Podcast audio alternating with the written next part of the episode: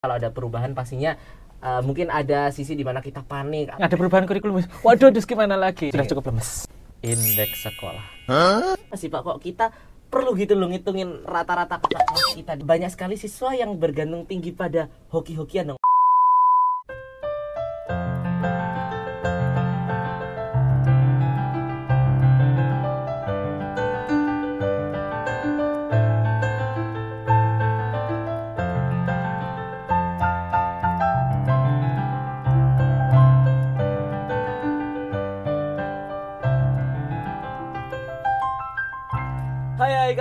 Ambo, anak halu, jomblo dan berulah. Hah, bola. Hai, guys sekalian. Wah, kayaknya narasumber di podcast kali ini bukan narasumber biasa ya guys ya. ya tanganku sampai tremor ini. Kira-kira aku masih bisa nggak ya ngelawak ceplas-ceplas gitu? Oh, my god. Assalamualaikum warahmatullahi wabarakatuh. Waalaikumsalam. Pasti harus bisa lah cepat tetap cepat. Oke, insya Allah. Bagaimana kabarnya Bapak hari ini? Alhamdulillah sehat. Meskipun cuacanya rada-rada mendung tapi hati tetap gembira sama Ambo ini. Tidak, tidak menggalau ya Pak? Iyalah, nggak boleh nggak boleh galau. Harus semangat. Harus semangat. Anyway guys, buat guys kalian yang belum tahu, beliau ini adalah Bapak Agus Salim, yaitu guru wali kelasku sendiri nih. Iya, ini ketua kelas saya. Ketua kelas, ini Hmm. berarti klub ya, ada uh, wali kelas, ada ketua kelas. Oke. Dan beliau di sekolahku ini kebetulan merupakan guru bahasa Inggris yang mengordinir serta memberikan banyak sekali informasi mengenai PPDB. Which is adalah topik yang akan kita bahas di episode kali ini. Karena kan memang sebentar lagi kita akan menghadapi kelulusan ya guys ya. Wah, saya udah mau SMA ya Pak ya? Iya iyalah. Coba berapa berapa lama lagi mau SMA ini? Kurang kurang tiga bulan empat bulan lagi ya Pak ya. Sudah sudah besar. Ini udah besar sih sebenarnya Besar apanya ini? badannya. Ya guys, sebentar lagi kita juga akan menghadapi PPDB sebagai agenda tahunan dalam penerimaan murid baru. Makanya sengaja saya undang Mr. Agus di sini Thank you, thank you, untuk thank dapat you. mengedukasi kita mengenai PPDB. Berbagi berbagi lah ya. Berbagi informasi. Iya berbagi informasi. Oke, benar benar benar. Karena kan juga dengan adanya saya dengar kemarin ada pembaruan-pembaruan ya Pak terhadap siklus PPDB. Betul. Jadi sepertinya kita para eh, peserta didik ini membutuhkan beberapa pencerahan ya guys ya. Iya, paling deg-deg gitu ya. Iya. Karena sejujurnya, Pak, sampai saat ini pun kalau misalnya membicarakan soal PPDB, kepala saya itu kadang masih suka pusing kepala pipi gitu loh. Terutama Kenapa sekarang itu? Ada perubahan lagi, Pak. Jadi mari kita bahas, Pak. Tapi nanti bisa pakai bahasa yang mudah aja ya, Pak, biar Ya nanti langsung dikat aja kalau misalkan Pak eh, mungkin dijelaskan dengan bahasa yang lebih sederhana gitu ya, Iya, kalau aja betul. bahasanya terlalu biar nggak salah server. betul. Betul. Sebenarnya apa sih Pak PPDB itu dan apakah ada jalur penerimaan murid baru lain selain dari PPDB? Pertanyaan yang menurut saya eh, kamu harus tahu dulu apa itu PPDB. Nah, ini Indonesia itu hobi singkatan ya. Oke, coba apa? Apa ya? Penerimaan peserta didik baru ya sih? Waduh, 100 ketua kelas kita pintar. Berasa kayak dasar empat ya, Pak. ya, sebenarnya kalau istilah PPDB itu banyak juga. Kalau dulu ada namanya PMB, peser- penerimaan murid baru. Kalau misalkan kayak pesantren namanya peserta eh, penerimaan santri baru. Intinya adalah rekrutmen murid. Lebih ke rekrutmen murid sih itu. gitu. Lebih ke arah rekrutmen Nah, murid. tapi kalau ngomongin negeri, ini konteksnya negeri atau swasta nih? Negeri ya. Negeri Kalau ya. kita ngomongin PPDB berarti negeri ya. Oke, negeri, oke. Mostly negeri menggunakan istilah penerimaan peserta didik baru. Oh, Oke, kalau misalnya SMA swasta atau SMA luar negeri itu beda lagi ya, Pak. Ya, mereka menggunakan istilah terserah mereka lah Iya, ya. Mungkin Pak Agus juga bisa menjelaskan prosentase-prosentase jalur di PPDB karena kan ini kayak Ini kita SMA gitu. negeri nih ya. Iya, SMA negeri. Oke, oke. Jadi Sudah topiknya adalah penerimaan peserta didik baru di SMA negeri. Negeri. Oke. Ini versi pemahaman saya ya. Iya. Jadi ada sekarang ada jalur pertama jalur yang jelas zonasi. Zonasi itu 50%. Ya nanti persentasenya bisa dicari sendiri lah ya. Ada zonasi, kemudian prestasi nilai, baru jalur-jalur yang lain itu presentasinya lebih kecil kayak untuk orang yang tidak mampu ya atau juga anak buruh. Juga ada kalau selama Covid itu jalur khusus untuk anak tenaga kesehatan. Oh, jadi Gitu. semua difasilitasi ya. Nah, termasuk juga kalau misalkan dari apa eh, subscriber ini ya, para penonton ini yang mungkin orang tuanya pindah nih ke lain kota bingung, saya harus bagaimana ya? Bisa nggak ya saya ke sekolah favorit di eh, ini gitu ya? Itu bisa pakai jalur yang namanya pindah tugas orang tua. Gitu. Oh, tapi berarti jalur PPDB di tahun ini tuh memberikan kesempatan yang lebih besar ya kepada seluruh siswa untuk dapat masuk ke istilahnya SMA negeri favorit begitu, Pak? Jadi PPDB jalur zonasi itu yang saya pahami itu diangkat atau dibuat kebijakannya untuk memeratakan akses. Untuk Jadi nggak ada kayak yang oh ini yang spesial nih sekolah. Nah ini sekolah yang nggak spesial sekolah pinggiran kayak gitu. Jadi semua punya kesempatan yang sama dan seterusnya. Intinya mem- memeratakan akses bahwa semuanya punya akses yang sama begitu. Tapi Pak, karena jalur PPDB zaman sekarang ini juga eh, lebih mengedepankan zonasi ya kan persentase lebih besar di zonasi. ya? Betul. Dan eh, lebih ke pemerataan. Hmm. Banyak juga orang Indonesia yang bilang bahwa sekarang tuh sekolah negeri terutama sekolah negeri favorit itu kualitasnya jadi menurun nih Pak gara-gara PPDB. Jadi mereka akhirnya larinya sudah nggak ke negeri lagi. Minat yang ke negeri itu jadi berkurang. Menurut Pak Gus bagaimana mengenai hal itu? Oke, kualitas menurun itu kan sama seperti orang masak, chef masak dengan bahan premium, dengan bahan yang berbeda, itu memerlukan skill tentunya ya. Iya. Jadi kalau dulu 100 semua bisa lari kenceng, ayo kita naikkan dari 200 ya, misalkan gitu kecepatannya. Oke, nah sekarang ada yang 100, ada yang 10, ada yang 5 kecepatan larinya. Jadi emang agak ngoyo. Jadi memang pasti akan berbeda situasi dan kondisinya. Akan berbeda tapi lebih rata, semua lebih equal. Iya, kalau menurut saya sih itu akses ke pendidikannya lebih equal. Oh, baik baik baik. Nah Pak, kan kita lagi membicarakan soal sekolah favorit. ya. Ha-ha. Saya kan mengamati di Indonesia ini tuh sampai sekarang tuh masih berjalan stigma bahwa kita itu harus bersekolah di SMA negeri favorit kayak di Hmm. Surabaya kita harus Iya. bersekolah di SMA negeri BC karena mereka favorit karena ada supaya kelihatan keren supaya kelihatan pinter atau ada gengsinya apa sih Pak penyebabnya stigma itu masih berjalan di Indonesia sampai saat ini even dengan adanya PPDB jalur zonasi terbaru yang eh, dengan notabene dengan tujuan untuk menyamaratakan pendidikan Ah, ini favorit itu apa?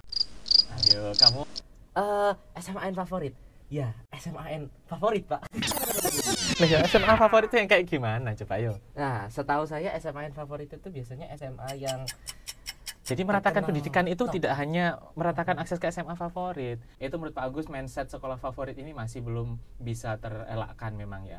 ya bagaimana? Kenapa sih disebut sekolah favorit kalau tadi selama perjalanan Pak Agus pikir ini itu disebut sekolah favorit karena kita tuh sekolah itu tidak hanya melulu tentang nilai, tapi juga tentang koneksi Oke. dan ya, siapa yang kamu akan belajar bersamanya ya. ya. Karena kan teman SMA itu nanti kalau udah gede jadi kon- jadi relasi Jadi ya. Relasi biasanya. Ya, jadi kayak mungkin mitra usaha atau apa. Jadi kan kayak semacam networking gitu. Ya. Itu kayaknya yang paling mahal sih dari sekolah favorit. Jadi sebenarnya yang dibeli, istilahnya dibeli dari SMAN favorit bukan hanya nilai tapi juga koneksi ya. Itu sangat sangat sekali ah, penting. betul. Peluang ya, Peluang. koneksi dan juga kan peluang untuk uh, jenjang pendidikan berikutnya begitu. Kemarin tuh kan saya sempat membaca tuh persentase-persentase dan slide yang telah Pak Agus berikan ya. tentang PPDB dan saya tuh tertarik di bagian Japres. Saya membaca kenapa sih Pak? Kok lomba yang tidak diadakan oleh Dignas itu poinnya lebih rendah padahal kan di luar sana banyak sekali lomba-lomba yang bergengsi tapi tidak diadakan oleh Dignas. Sebenarnya poin kecil itu bukan karena diadakan dinas atau enggak. sih. Kalau sesuai juknis kan yang tertulis itu hanya dia berjenjang atau tidak. Yang kedua individual atau tidak. Itu yang membuat poin kecil. Jadi eh, sepertinya kebijakan itu untuk membuat sedikit fair. Jadi kalau yang bergu kan dia kualitasnya mencerminkan regu ya. Jadi yang yang individual dihargai lebih dan yang berjenjang itu karena dia seleksinya lebih banyak dia dihargai lebih. Oh, gitu, karena karena kayaknya usahanya bisa melewati seleksi-seleksi Iya, gitu ya. sepertinya sih itu yang yang Pak Agus coba pahami sih begitu. Oh begitu. Nah hal-hal apa aja nih Pak yang perlu kita para peserta didik siapkan dalam menghadapi PPDB? Yang pertama, yang jelas milih dulu lah sekolah. Ya, kalau kita nggak milih sekolah itu gimana mau merencanakan ya kan? Pertama harus kita pilih-pilih opsinya, mengetahui terlebih dahulu apa saja sih syarat-syaratnya. Pertama syarat dulu. Syarat. Syarat-syarat yang lain itu kayak misalkan kalau untuk zonasi itu acuannya adalah kakak. Nah itu harus itu harus tahu kakakmu kakak mana misalnya kakakmu kakak sini Surabaya kan Ya Surabaya, insya Allah. Surabaya. Jadi kalau kakak Surabaya ya Surabaya gitu. Karena Iya. kalau kakak misalkan kakak temenmu kakaknya Sidoarjo. Nah, itu nanti beda yang dipilih karena dia hanya boleh milih eh, sekolah di luar zona atau yang zona berbatasan itu cuma satu gitu. Oh jadi sesuai domisili atau alamat yang ada di kakak ya? Iya, Dan, heeh. dan itu diterimanya minimal dalam jangka waktu berapa nih Pak? Maksudnya kayak apakah eh, minimal jangka waktu satu tahun, dua tahun eh, pindah atau bagaimana? Ya, kalau sesuai dengan ketentuan Juknis itu belum ada perubahan sampai sekarang tuh minimal adalah satu tahun. Jadi kakaknya itu kakak yang dikeluarkan satu tahun sebelum pendaftaran. Jadi kalau sekarang Juni 2023 Juni, berarti Juni 2022. Betul, kecuali kecuali penambahan jiwa baru misalkan atau mungkin ada keluarga meninggal itu masih nggak apa-apa dipakai tuh. Oh. Itu untuk zonasi ya. Iya. Kalau untuk prestasi nilai, oh itu beda lagi. Yang perlu dipersiapkan ya kita lihat diri dulu nilainya kita gimana dan Ya, seterusnya. tapi gitu. sekali lagi mengingat bahwa PPDB sekarang tuh karena kan memang tujuannya untuk eh, meratakan apa ya istilahnya akses pendidikan terutama ke SMA favorit untuk Iya. para siswa-siswi memberikan lebih kesempatan yang lebih besar jadi memfokuskan pada zonasi. Setelah itu kan kita para peserta didik ini sekarang juga terutama yang lagi ada di ujung SD atau SMP ini kita sedang berjuang Pak untuk untuk PPDB ya Pak. Eh, kebanyakan anak gagal di PPDB perjuangannya tumbang itu karena apa sih Pak? Dan kalau misalnya sudah gagal di jalur PPDB kita disarankan ngapain nih Pak? Sik gagal apa sih? Ayo. Apa ya? Gagalnya apa ayo? Gagal. Karena PPDB itu ada beberapa macam. Satu ada jalur zonasi, dua jalur prestasi, ya kan? Tiga ada Oh, jalur pindah oke. tugas orang tua. Kamu sebut gagal tuh kayak gimana? Ayo. Nah kan biasanya setahu saya di sekarang tuh jalur PPDB kita diberikan untuk opsi memilih dua sekolah ya. Betul. Dua Eh, sekolah. tiga. Oh tiga sekolah ya. Tiga sekolah. Tiga sekolah. Tiga negeri. sekolah. Nah yang saya maksudkan gagal tuh kalau misalnya kita sudah gagal di tiga tiganya, apakah itu mungkin terjadi dan kalau misalnya mungkin apa pak yang harus kita lakukan? Disclaimer ini ya, itu Iya. adalah based most of my observation ya. Ya. Jadi gitu. Eh, kalau untuk yang penyebab gagal selama ini tuh kayak misalkan di tahun lalu, pada tahun yang lalu, eh, saya cukup kaget melihat salah satu salah dua, salah tiga nama murid saya begitu yang mendaftar di salah satu SMA yang memang sebenarnya kita udah sosialisasikan bahwa jarak terdekat tahun lalu segini ataupun misalkan jarak apa nilai nilai rata-rata rapot kemarin nilai akademisnya itu bobotnya itu paling ja- paling rendah segini.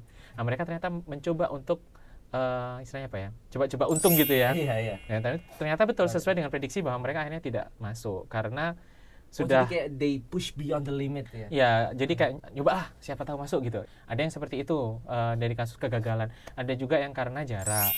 Jarak itu memang ya semua yang namanya penerimaan kan kita nggak tahu statistiknya ya. Dalam artian sekarang tuh kamu bersaing dengan rata-rata rapot anak-anak tuh berapa. Sekarang tuh kamu bersaing mau masuk sekolah SMA A, B, C tadi itu dengan jarak rata-rata berapa begitu. Ya kan kita nggak Iya. tahu. Kalau misalkan tahun lalu ternyata eh, rata-rata yang mendaftar situ tuh jarak terjauhnya 5 kilo. Wah, kamu 3 kilo bisa masuk. Ternyata sekarang yang baru ini seusia SM, SMP yang baru masuk ini ternyata yang zonasi yang situ yang deket itu banyak banget melebihi kuota dan mereka mau ke Iya. situ semua, maka peluangnya juga akan lebih kecil. Oh, Oke. Itu juga jadi strategi, Bo. Strategi apa itu pak? Istilahnya gini, kamu masuk SMA mana? SMA B ya kan, misalkan. Taruhlah SMA B. SMA B. Nah, pendaftaran PPDB itu, Bo, itu kan bertahap. Tahap 1, tahap 2, tahap 3. Ya, Iya. tahap satu yang sifatnya kayak untuk afirmasi yang tidak mampu. Orang- berarti itu orang tua ya kayak eh, orang tua buruh atau Iya, orang orang tua yang nggak mampu itu ya orang tua yang kalau di Surabaya itu ada yang namanya itu MBR ya. Artinya keluarga yang penghasilannya di bawah UMR. Oke. Itu kemudian buruh, kemudian juga tenaga pendidikan kayak misalkan eh, Pak Agus punya anak nih ngajar di SMA B. Iya. Pak Agus bisa itu ambil daftarin anak Pak Agus Oh, untuk bisa. Itu jalur dia juga punya jalur untuk itu. tenaga Jadi pendidikan. Nah, ah, jadi ini bukan bukan se- bukan kayak kolusi nepotisme nggak memang sudah ada di sama pemerintah itu diberikan kuota khusus untuk kayak gitu ada. Ada juga kalau tahun-tahun sebelumnya itu masa pandemi Covid ada untuk tenaga kesehatan. Tenaga kesehatan itu termasuk dokternya juga, perawatnya, bahkan supir ambulan pun itu bisa daftarin Supir anaknya bisa? lewat Wow. sopir ambulan yang yang terlibat penanganan Covid ya. Iya. Bisa daftarin anaknya di SMA lewat jalur itu atau yang orang tuanya pindah-pindah tugas. Hmm. Kalau tahun lalu alumni kita ada dari Surabaya SMP ini orang tuanya dipindah ke Malang. Kita lewatkan jalur perpindahan orang tua keterima di SMA Negeri Malang. Gitu. Baik. Terus kalau jalur eh sorry, apa tadi? Tahap Tahap, tahap kedua. dua, oke ya. Tahap kedua itu jadi tahap kedua adalah kalau tadi hanya boleh milih satu ya, Iya. Hanya boleh milih satu. Jadi kalau kamu masuk B, ya sudah di tahap satu milih B. Kan itu prioritas karena hanya pilih satu tok. Oh iya. Kemudian jalur kalau untuk SMA nih, jalur pertama dan yang kedua adalah jalur prestasi nilai. Jadi kalau jalur prestasi nilai itu pilih sekolah yang memang kamu mau masukin, jangan coba-coba. karena sekali keterima nggak boleh mundur. Jadi karena kita milih batasan tiga tadi itu maksimal. Kalau mau satu ya satu aja nggak apa-apa. Gitu. Satu aja tidak apa. Satu tidak apa-apa. Jadi kalau misalkan milih satu, kemudian pilihan dua, pilihan tiganya nggak isi nggak diisi nggak apa-apa. Jadi karena nanti kamu masih punya waktu, kalau nggak lewat jalur ini nggak keterima dan kamu nggak mau ke sekolah lain, pakai zonasi. Pakai zonasi-zonasi ada di tahap ketiga. Tahap ya? ketiga, tahap terakhir kalau untuk SMA. Kita bisa nggak Pak daftar eh, lebih dari satu jalur ke satu SMA? Misalnya saya mau masuk SMA B dari jalur afirmasi nggak masuk, terus saya tetap mau ke SMA B dari jalur nilai itu nggak? Boleh, bisa. Makanya Oh, tadi tak boleh. bilang, kenapa kok aku menjelaskan yang tadi itu di SMA B, terus kemudian jalur prestasi pilih satu aja. Kak Mang B sudah pilih B. Kalau misalkan aku nggak mau, pokoknya kan ada tuh. Aku nggak mau pokoknya kalau nggak masuk B, aku mending ke swasta aja. Ya itu Iya. tadi caranya. Jadi biar nggak salah masuk gitu. Tapi kemudian menurut saya Pak Agus sih pesannya jangan terlalu jadiin beban. Artinya kita harus punya backup plan kan. Ya kita menginginkan itu, tapi apa pun yang terjadi semua adalah qadarullah. itu loh harus Ya, ingat takdir Allah itu. Subhanahu wa Ya, Ta'ala. tapi plan itu juga harus kita biar tahu apa yang harus kita rencanakan. Apalagi kalau mau sekolah itu kan mahal ya, Boy ya. kan sekolah swasta kalau nggak kalau nggak negeri itu kan apalagi kalau yang di favorit gitu ya istilahnya sekolah-sekolah yang dengan uh, akses yang jauh lebih baik itu kan pasti memakan biaya ya nah, jadi emang tadi itu harus di plan karena kalau nggak masuk negeri nanti dia masuk ke mana gitu Wah baik, sepertinya kita sudah cukup tegangnya ini membicarakan. Waduh, waduh. Panas, panas, panas ya. Nggak apa-apa, nggak apa-apa. Eh, mungkin kita bisa relax sebentar nih Pak. Bapak mau dangdutan? boleh siapa tahu Yeay, kapan lagi guys ngajak Bapak guru dangdutan eksklusif only in Ahmola. Eh, kemarin itu kan lagi viral ya Pak tentang konser comebacknya Dewa 19. Bagaimana Oh, iya, iya, kalau betul, betul. kita nyanyi lagu kangen? Kan kangen tuh kayak lagu kebangsaannya Dewa 19 gitu, Pak. Ya, betul. Baik, hu guys mengajak Bapak guru dangdutan rada deg-degan ini. kayak pantur aja dangdutan Satu, dua, tiga.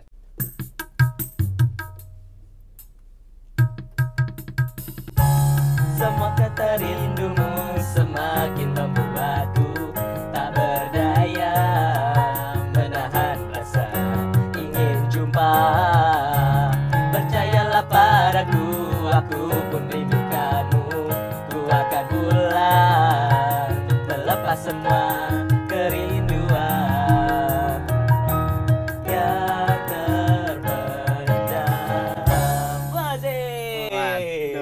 tak kira masih lanjut ternyata segitu aja gak apa-apa lah ayo lanjut Ya, apa-apa nanti kalau saya kita selesai bisa dangdutan sendiri. oke Lebih mari mari mari semoga nggak fals ya Oh, insya Allah tidak kok. Baik, bisa kita lanjutkan berarti? boleh boleh boleh apa lagi nih sudah ya. cukup lemes Iya. Baik, khusus sekalian, sekarang kita akan mulai masuk nih ke pembahasan mengenai pembaruan peraturan Juknis PPDB yang baru banget kemarin dirilis ya Pak oleh Diknas pada betul eh, Eh, berapa Kalau nggak salah 10 Februari betul. 2023. 10 Februari Ya, pembaruan lagi guys. Perubahan baru, monetisasi baru nih guys. loh perubahan itu adalah sesuatu yang niscaya Ah, tidak, iya. tidak ada yang tidak berubah kecuali perubahan Wah sih, gitu kayaknya menjadi the day. Apa Pak? semuanya itu pasti berubah yang tidak Iya. berubah hanya perubahan kan Iya. ya pasti terjadi Tapi iya sih Pak, kadang sebagai siswa itu kita itu ya ya biasalah. Kadang kalau ada perubahan pastinya eh, mungkin ada sisi di mana kita panik atau mumet nih. Alah gak cuman murid tok, Bu. guru juga Guru sama. Nggak ada perubahan kurikulum. Waduh, terus gimana lagi? Jadi setiap perubahan memang selalu seperti itu. Itu Iya. adalah sebuah hal yang niscaya dalam hidup. Eh, Wah, lanjut. sih. Tapi Perubahan ini. dari pandangan Pak Agus sendiri sebagai guru, sebenarnya apa sih Pak tujuan yang ingin dicapai oleh Diknas dengan mengadakan perubahan-perubahan terhadap eh, kebijakannya? Dan apakah perubahan-perubahan itu menguntungkan sekolah, Pak? Perubahan itu dilakukan pastinya bukan sembarangan pokok. Saya ingin ini berubah, bukan seperti itu. Saya yakin karena pemangku kebijakan itu pasti sebelum mengambil kebijakan ada data, ada evaluasi. Jadi perubahan yang ada ini pun saya yakin juga karena ada evaluasi-evaluasi terhadap apa-apa yang sudah terjadi. Bisa jadi itu dari hasil data, bisa jadi dari laporan masyarakat. Saya yakin, eh, saya masih yakin dan masih percaya bahwa pemangku kebijakan kita itu membuat perubahan kebijakan untuk demi kebaikan kita semuanya bukan karena apa namanya si A si B begitu. Kita Masya harus berhusnudon iya. ya. berprasangka baik. Semoga saja perubahannya bisa membawa ke arah yang lebih positif. Nah, ya, kalau ya. tadi pertanyaan kamu menguntungkan sekolah apa enggak? Sekolah yang mana yang kamu sebut, yang kamu maksud? Ayo. maksudnya gimana itu? Loh, menguntungkan sekolah sekolah sekolah kita, sekolah SMA atau siapa yang mana yang kamu maksud? Oh, ayo, iya, iya, ayo, iya, ayo, iya. ayo, Oke. gimana? Menguntungkan atau tidak itu kan kita nggak tahu dalam hal apa maksudnya. Oh, baik, Ya. baik, baik. Apakah pemerataan? Bisa jadi sekolah yang sebelumnya mungkin tidak merata akhirnya pagunya diratakan dengan cara seperti ini kemudian akhirnya menjadi baik atau menguntungkan sekolah dalam konteks misalkan perubahan apa sih kamu tahu nggak perubahannya ini? Apa tuh, Pak? Ya, salah satu poin pokok yang masuk ya yang yang menurut Pak Agus baru banget itu adalah kata kunci ini indeks sekolah. indeks sekolah. Mm-mm. Apa itu, Pak? Indeks sekolah. Mungkin Pak Agus bisa jelaskan dan itu perubahan apa itu, Pak? Maksudnya di di jalur manakah atau di peraturan baru kah atau bagaimana? Kemudian tadi itu dengan memperkenalkan kata indeks sekolah itu dalam dalam bayangan Pak Agus kan kata kamu tadi apakah ini menguntungkan sekolah atau tidak? Iya. ya kan kembali ke pertanyaan itu kalau menurut Pak Agus bisa jadi ini mungkin sekolah-sekolah SMA waduh ini kalau aku muridku eh, sekitaran ini misalkan lewat yang lewat jalur prestasi nilai ternyata hanya nilai rapotnya yang eh, istilahnya itu eh, tidak terlalu mencerminkan anaknya wah kita berat ini gitu mungkin mungkin ya ini bayangan Pak Agus mungkin bisa jadi seperti itu jadi yang diuntungkan dalam artian bahwa mereka yang melewat jalur prestasi ini memang benar diharapkan mereka yang benar-benar mumpuni Hmm. tapi memang sekali lagi ya indeks indeks sekolah ini apa itu Eh, Iya, jadi kalau kalau kita mau jawab apakah menguntungkan sekolah apa enggak itu juga saya Pak Agus juga masih belum aduh, menguntungkan apa enggak ya. Tapi indeks sekolah itu yang Pak Agus baca dari Juknis yang baru itu adalah nilai rata-rata kakak kelasmu. Nilai rata-rata kakak kelas. Eh, kakak kelas yang udah di SMA berarti ya. Rata Jadi rata, eh, misalkan kan nih Ambo nih sekolah di SMP nih kan ya di Iya. SMP kita. Jadi kakak-kakak kelas kita kan selalu lulus SMP tuh ke SMA, SMA, SMK gitu kan ya. Nah, performa mereka secara akademis di sekolah tersebut yang disebut sebagai indeks sekolah. Ini pemahaman Pak Agus ya. Jadi tertulisnya adalah rata sebentar rata kakak kelas di eh, apa rata kakak kelas itu untuk semua mapel ya di jenjang SMA dan SMK se-Jawa Timur. se-Jawa Timur. Nah, tulisannya begitu. Jadi menurut Pak Agus sih ya semua rapotnya kakak kelas itu dikumpulkan yang masuk SMA atau SMK se-Jawa Timur, kemudian dilihat rata-ratanya berapa, di rata-rata lagi, nah itu yang jadi nilai indeks sekolah gitu. Gimana caranya tahu, Pak? Bingung, Maksudnya bingung kan- ya, bingung. Saya Iya. pelan pelan pelan pelan. Maksudnya bagaimana cara menghitungnya? Kita menghitung sendiri apakah atau nanti Dignas yang menghitung dan bagaimana cara kita bisa Kalau dari Juknis tertulisnya itu yang memiliki nilai adalah Dinas Pendidikan Provinsi Jawa Timur. Jadi kita Oh. nggak tahu berapa nilainya. Jadi eh, Pak Agus juga nggak tahu apakah nanti akan di launching apa maksudnya apakah diumumkan ke masing-masing sekolah bahwa indeks alumni SMA itu segini misalkan begitu ataukah nanti misalkan lewat eh, biasanya kan ada website PPDB itu. Apakah nanti lewat website PPDB ataukah seperti apa Pak Agus masih belum tahu. Bagaimana kita bisa tahu nilai indeks sekolah tersebut begitu. Oh, begitu begitu. Oke. Pak, tapi eh, saya tiba-tiba kepikiran aja. Ke indeks sekolah ini kan berarti nilai rata-rata kakak kelas kita. Betul.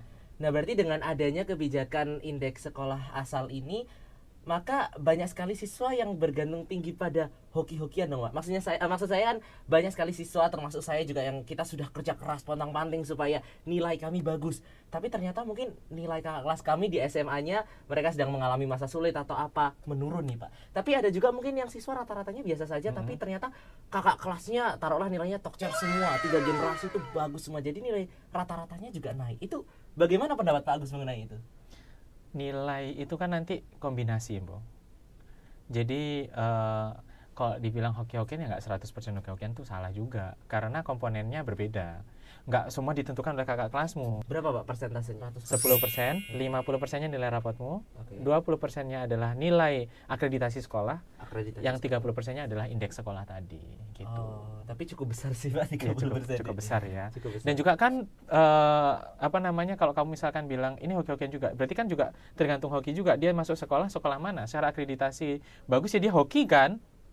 Dan kalau Iya, akreditasi bagus kan juga hoki. Oh iya ya. Ya jadi kan Iya, memang iya, eh, itu sebenarnya untuk melihat nggak menurut Pak Agus sih untuk melihat eh, figur atau profil murid itu secara lebih menyeluruh begitu. Ah. Karena kan standar nilai dari masing-masing sekolah itu beda. Kadang misalkan ada yang eh, standar nilainya itu misalkan KKM 75. Jadi anak-anak itu rata-rata misalkan di angka 75. Iya. Ada yang mungkin standarnya lebih tinggi lagi. Sepertinya sih untuk melihat itu juga sih. Iya, betul juga. mungkin ya, mungkin.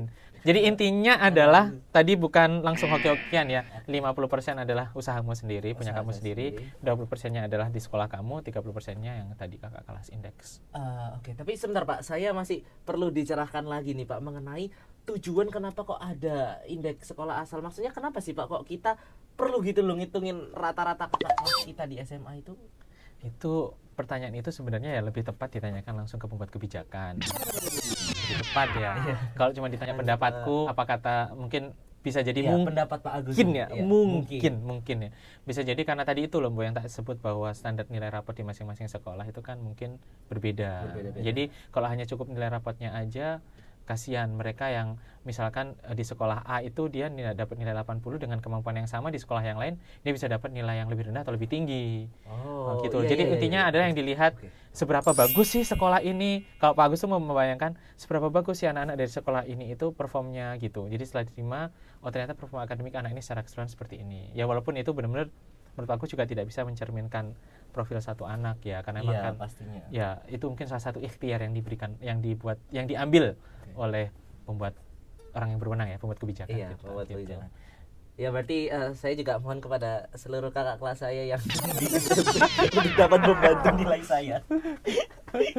Padahal mereka bilang Oke, Chris Muhammad, no. Kini sudah berusaha keras kini ini gitu pasti Iya, ya. iya, iya, oke, oke. Terima kasih kakak kelas ya. Nah, Pak, terus saya juga kemarin tuh sebenarnya sem- sempat dengar sih, Hmm. yang saya dengar dari perubahan di Hmm. Juknis PPDB terbaru itu katanya ketua OSIS dan perangkat organisasi sekolah itu bisa mendapat golden ticket ya, Pak, untuk masuk ke SMA atau SMA yang favorit lah istilahnya.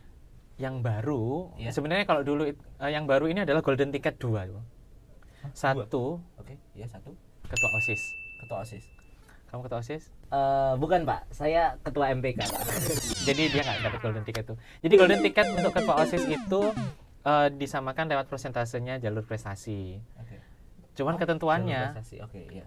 nggak pas kemudian eh, bukan kemudian me- berarti aku ketua osis aku bisa masuk ke SMA B A gitu enggak jadi ada ketentuan yang ketentuan kebijakan yang dibuat adalah golden ticket untuk ketua osis hanya berlaku untuk satu orang saja ketuanya Satu orang saja. satu Jadi dalam bisa- artian iya. di satu SMA itu dia hanya menerima satu ketua osis Oh, taruhlah di SMA B ada uh, OSIS dari SMP A, SMP B, SMP C sampai SMP Z itu cuma di, diambil satu. ah betul betul jadi kuotanya dari- hanya satu Eh, pertama itu eh, kalau pendaftarnya banyak itu mirip seperti pemeringkatan eh, jalur eh, prestasi lomba ini pemeringkatan yang baru tadi kata kuncinya ada indeks sekolah ya. Karena indeks sekolah ini sekarang jadi lapis yang eh, pertama lapisan cukup krusial berarti ya. jadi saringan-saringan awal itu indeks sekolah jadi memang kayak cukup krusial sih. Walaupun kamu bilang tadi apa? Untung-untungan apa Iya, hoki-hokian hoki-hokian. ya tertulisnya sih kalau di Juknis itu dia mirip seperti pemeringkatan prestasi lomba. Prestasi lomba itu kan akan dinilai skornya berapa. Kalau skornya sama baru akan dilihat indeks sekolahnya dulu. Indeks sekolahnya. baru setelah itu kalau Wow. sama lagi indeks sekolahnya sama dilihat apa? Nilai rata rapotnya Wah, perubahan yang cukup signifikan ya berarti ya dengan adanya penambahan indeks sekolah asli. Iya. Untuk yang terakhir mungkin Pak Agus bisa menyampaikan apakah Bapak mempunyai saran dan pesan untuk kita para anak didik dalam uh, menghadapi jenjang berikutnya. Eh, paling penting sih pertama enjoy your life sih maksudku eh, masa muda ini kan memang tidak terulang tapi bukan berarti kemudian kita hanya hura-hura tanpa mempersiapkan masa depan bukan gitu cuma eh, kalau Pak Gus sih lebih suka mereka yang eh, bisa mengimbangi antara akademis dan non akademis karena life is not only about academic things. You need skills you need eh, Iya. apa nah kita butuh keterampilan kita butuh kayak Character berorganisasi ya karakter development dan seterusnya itu penting. Jadi kalau memang mau menyiapkan diri selain milih sekolah ya itu tadi. Saran Pak Agus ya kalau misalkan kita milih sekolah juga harus hati-hati. Maksudnya hati-hati dalam artian bukan kemudian kita pokok yang penting masuk gitu Eh, apa pun yang terjadi saat nanti te- ternyata diterima di SMA that's uh, God's destiny ya. Itu ada takdir Allah. Tapi kan kita bisa merencanakan dulu. Ada satu quote sih yang biasanya Pak Agus sampaikan kamu mau jadi ikan di kolam besar oh ikan kecil di kolam besar atau ikan besar di kolam kecil? Wow, oke. Nah, Sebentar saya masih mencoba memahami. apa maknanya? Coba coba coba kok kayak ulangan harinya jadi Oh iya benar. Ini soalnya dampak-dampak dari mewawancarai guru jadi diberikan ulangan, tapi tidak apa-apa. Apa ya Pak? Mungkin Bapak bisa menjelaskan saja Pak Daya bagaimana? mungkin dia di kolam yang sebelumnya itu dia besar Besar. yang kita masukkanlah dia ke, ke sekolah yang baru kolamnya Ternyata itu ikannya besar. ah, ternyata ikannya besar besar Oh. gitu loh jadi dia mau bersaing kalau dia kemudian bisa membesarkan badannya Iya. kayak kamu membesarkan diri jadi sekarang bayangin kamu di peringkat satu di sekolah A gitu ya kemudian kamu masuk ke sekolah di mana kamu bersaing dengan semua semua orang yang peringkat satu. Di mana setelah kamu melihat eh, mengevaluasi diri ternyata oh, saya mampu oke go ahead. Tapi kalau kamu evaluasi diri saya kayaknya bakalan butuh struggle lebih banyak tapi kamu mau silahkan go ahead. Tapi kalau ternyata kamu dengan di situ kamu malah menjadi tidak terlalu menonjol Ya mundur istilahnya. mundur istilahnya. Jadi itu mungkin juga perlu kayak apa semacam eh, mempertimbangkan ulang. Karena kan eh, kita juga harus memperhitungkan misalkan berapa banyak sih peluang kalau misalkan aku masuk situ nanti aku bisa ke kuliah sih ya. Saya lewat dapat jalur undangan lah gitu. Paling gampangnya berapa besar peluangku bisa dapat jalur undangan kalau aku di situ. Dan setiap sekolah itu kita bisa lihat berapa banyak persentase yang mungkin lewat jalur undangan. Karena kan biaya kuliah Nah, jelas juga pesan Pak Agus komunikasikan dengan orang tua kalian. Oke, talk with your parents ya guys. Terutama juga gitu. kan mungkin eh, ada beberapa ya Pak yang saya mau singgung dikit nih. Maaf ya Bapak Ibu, mungkin ada orang tua yang juga berambisi nih anaknya pengen masuk sini tapi anaknya nggak mau masuk si SMA yang ini, mau masuk SMA yang ini itu harus didiskusikan ya Pak. ya. Betul. Apa dan intinya semuanya harus dikompromikan. Tapi memang hidup itu tidak semuanya sama, semuanya berbeda. Tidak semuanya punya orang tua yang bisa diajak diskusi gitu juga. Bu. Iya sih. Jadi kalau emang takdir menyatakan begitu, ya kadang beberapa anak sudahlah jalani saja. Karena SMA ini nggak hanya SMA, it's also about what next after SMA ya kan setelah Oh, SMA itu mau oke. gimana mau ke mana gitu Tujuan.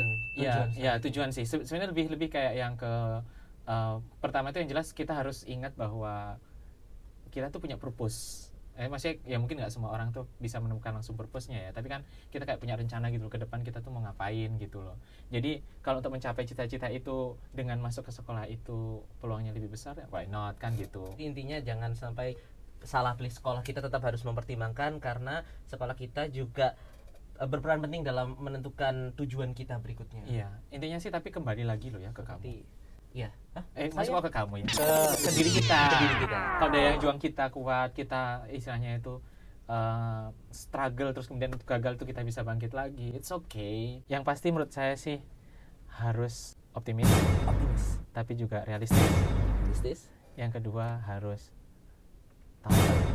Insya Allah. Tawakal ya. Ingat-ingat Allah intinya adalah semua yang terjadi adalah qadarullah. Masa SMA itu adalah masa yang menurut orang adalah masa yang paling indah. Indah. Masa sekolah yang paling indah ya Enjoy katanya. life ya.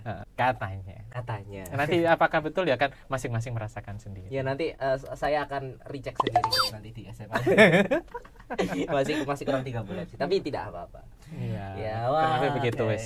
Ya. Sudah cukup nih, komplit nih. Wah, sepertinya sudah cukup banyak ya informasi dan ilmu pengetahuan yang telah diberikan oleh Mr. Agus ini tentunya juga akan sangat berguna bagi kita para peserta didik ya guys ya. Saya sebagai murid itu juga sangat bersyukur sekali bisa mempunyai guru seperti Mr. Agus karena Bapak Agus ini adalah guru yang sangat hebat dan mempunyai banyak sekali pengalaman guys. Oke, nanti kalau mau apa namanya? Ada yang drop komen kan boleh ya, Oh, mungkin iya. mau diskusi kalau atau misalnya mungkin kalian berikan mau masukan ya. Bertanya sesuatu atau memberikan masukan nggak apa-apa guys, Eh, tuliskan di komen saja ya. Oke, oke. Baik, wah berarti kalau misalnya saya sudah bisa mengundang bapak guru di sini, nextnya siapa nih guys? Kepala sekolah mungkin atau Kan kemarin Wali sudah? MC sama Pak MC Oh iya, di depan wali kota ya, Pak Eri. Bapak Wali Kota Pak Eri Cahyadi. Wah, Mbak undang atau kamu ke sana? Ayo. Talian Sekalian dong. aja Pak, kalau misalnya Wali Kota sekalian yang lebih tinggi presiden. Oh, ngono ta? Iya. Sip itu. Nanti Diundang ke saya, sini ta? eh, saya jalan ke Istana Negara Oh, aja. kalau kamu bisa ngundang sampai ke di sini luar biasa. luar biasa. Nanti kalian yang punya kenalan sama Bapak Jokowi ya, bisa tolong bantu ya guys. Oke, oke. Enggak, enggak, enggak, canda-canda. Amin. Tapi guys sekalian, seperti yang telah dikatakan oleh Mr. Agus tadi, sekolah memang merupakan sarana pendukung masa depan dan tujuan kita. Tapi menurutku, sekolah di mana pun itu tidak menentukan kesuksesan kita di masa depan. Karena kesuksesan kita di masa depan berada pada tangan kita sendiri dan Tuhan yang Maha Esa. Cakep, bagus. Cakep. Wazik. Jadi semangat buat kalian para pejuang PPDB, kita berjuang bersama. Semoga kalian dapat diterima di sekolah tersebut dan semoga kita semua bisa sukses di masa Amin. depan. Amin. Jadi gitu guys sekalian, ujian gagal harus tabah. Cakep. Lo kaget dia. Hmm, jangan sampai jadi gila. Cakep. Oh, waduh. Terus, Kalau gak lolos, jangan menyerah. sukses selalu untuk para, Para siswa. Oke. Wazik. Hai. Ciao. Tetes air mata mengalir di sela